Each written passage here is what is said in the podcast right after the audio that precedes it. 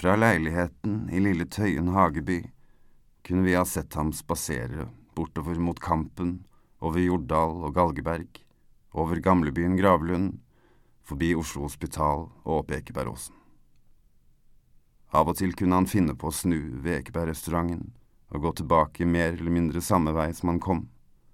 Men denne dagen her nå, en nokså varm, men lettere overskyet onsdag sent i april, gikk han videre på stien, og sannelig, tenkte han, skulle han fortsette helt bort til Holtet og gå på Jacobs og kjøpe noe godt til middag for å glede seg selv og sin kone, kanskje for å muntre henne opp, siden de hadde blitt sittende oppe en stund kvelden før. For mens han som arbeidsløs hadde kunnet sove lenge den morgenen, måtte hun ha hatt en litt hard dag på jobben.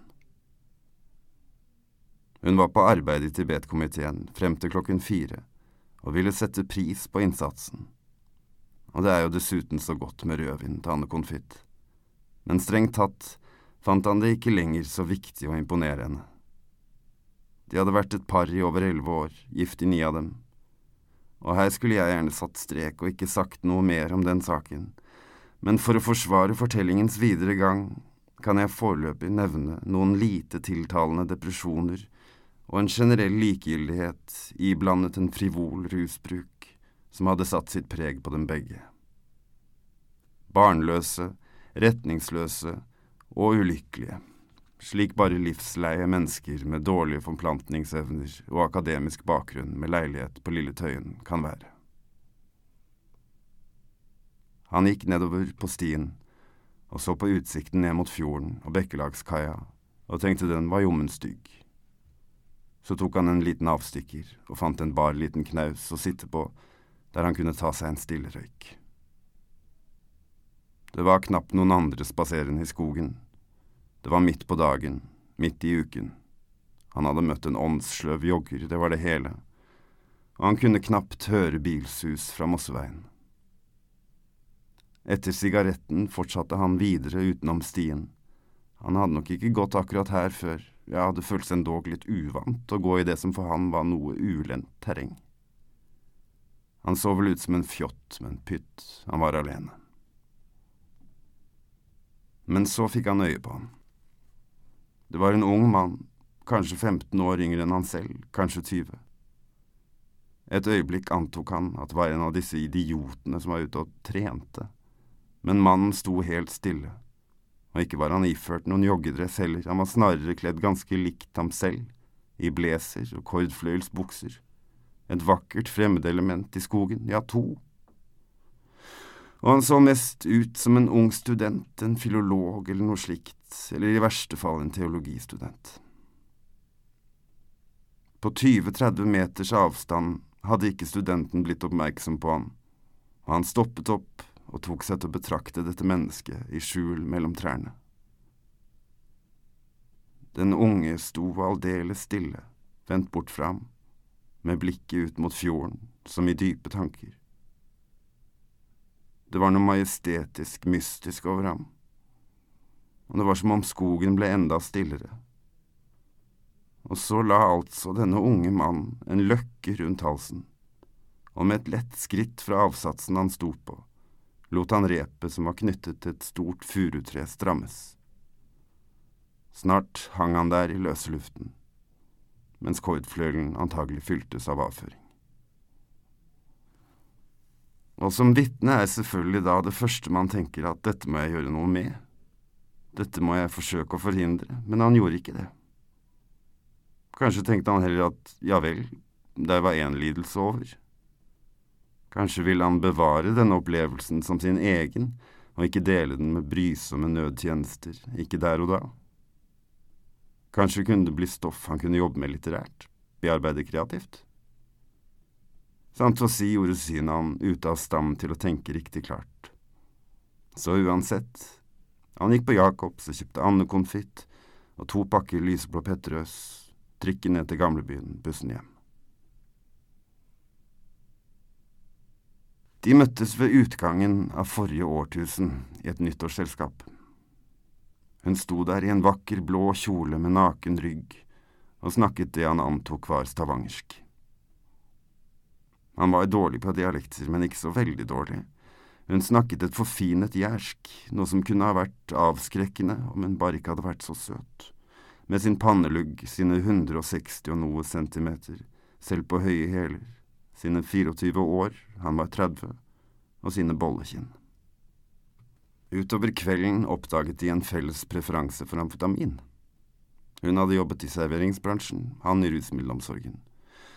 Og da de sto på toalettværelset til sitt felles bekjentskap, festens vert, ordnet til noen striper på lokket av en vaskemaskin, delte de, eller i hvert fall var det slik han tolket det, kåte blikk. Han skulle gjerne ha knullet henne litt, men det ble med konversasjon den kvelden, og det var like greit med tanke på amfetamins effekt på mannens erektile funksjoner. Han kunne ikke helt huske hvordan kvelden endte, men han våknet nå en gang alene den første dagen i det nye millenniet, og fikk ikke til å runke i det hele tatt. Da de traff hverandre på et utested en drøy uke senere, spurte hun om han ville bli med henne hjem. Lykksalige løp de nedover en vinterglatt sentrumsgate på jakt etter noe dop å ta med seg på veien, og så ble det ham og henne, da, etter det. Et par måneder senere sa han opp værelset i kollektivet han hadde bodd i på Torshov, litt spontant og forelskelsesberuset, og da han glødende fortalte henne denne nyheten senere samme dag, ble hun en smule forfjamset, men hun godtok at han flyttet inn til henne på Sofienberg. Dette øyeblikkets forbauselse og nøling tilga han henne nær sagt selvfølgelig aldri. Han kom med sine kasser med bøker og sin beskjedne garderobe. Hun ryddet plass i klesskapet, men noen bokhylle hadde hun ikke. Så boksamlingen ble for en tid liggende i stabler på stuegulvet, før hun en dag foreslo å bære den opp på loftet. Noe han tok som en oppfordring til å prøve seg som møbelsnekker, og slik fikk de sin første bokhylle. Den ble slett ikke så verst, han var svært kry, og i det minste hadde den ikke noe svensk navn. Josef døpte han bokhyllen. To år senere fikk den følge med dem til deres første felles hjem. Amfetamin er gøy, men det hører ungdommen til. Tenår og 20 år, til nøds 30 år. Det er et forferdelig dop for folk over middagshøyden. Merk mine ord.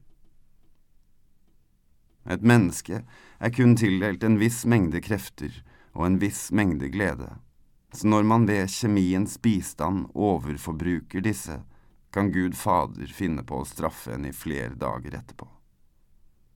Man verken fremstår eller føler seg lenger som en elegant utslått bohem, slik man i beste fall gjorde i yngre alder, men som et slagent menneske, en taper, som for en stakket stund trodde han hadde seiret, men så ble hjemsøkt av anger, sorg og gudløshet, utmattelse og selvmordsfantasier.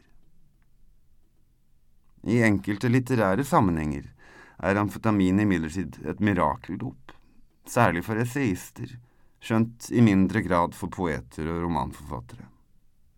Men franske og amerikanske eksistensialistiske filosofer hadde ikke vært noe tess uten speed og selv når man gjennomskuer hvor ordflyten og de voldsomme tankesprangene egentlig kommer fra, er det gøy å lese. Deres påfølgende kroppslige nedturer var de bebrillede fortauskafé- og cocktailparty-tenkernes offer for samfunnet og kulturen. De beste av dem var, slik han etter hvert også ble, flinke til å skjule sitt konsum for sine mer pragmatiske hustruer. Etter hans erfaring hadde kvinner en imponerende evne til å riste av seg illegale vaner, om de var aldri så flinke til å tilegne seg andre, mer statsgodkjente avhengigheter. Men at dette skulle bety at kvinner hadde sterkere viljestyrke, å nei, det ville han aldri vedgå. Uansett var nok hans menneskesyn av en slik art at han ikke kunne tillegge noen av de tre kjønn en særegen styrke eller biologisk overlegenhet og dette holder jeg i grunnen med ham i.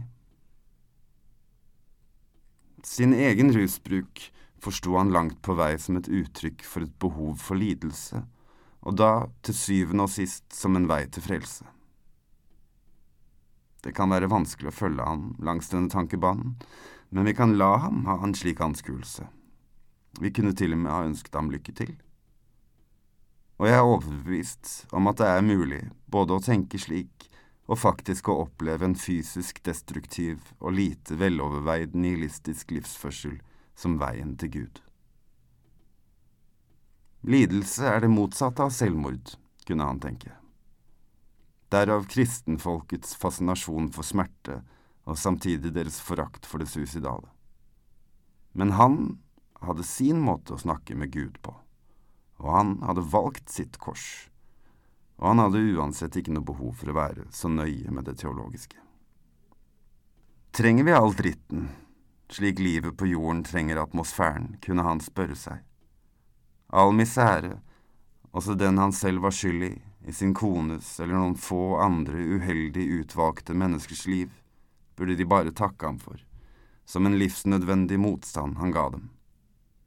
Det står skrevet, sa han gjerne, menneskeapene trenger kun en relativt velfungerende kropp, tilstrekkelig med føde, beskyttelse mot vind og vær, samt en real orgasme innimellom.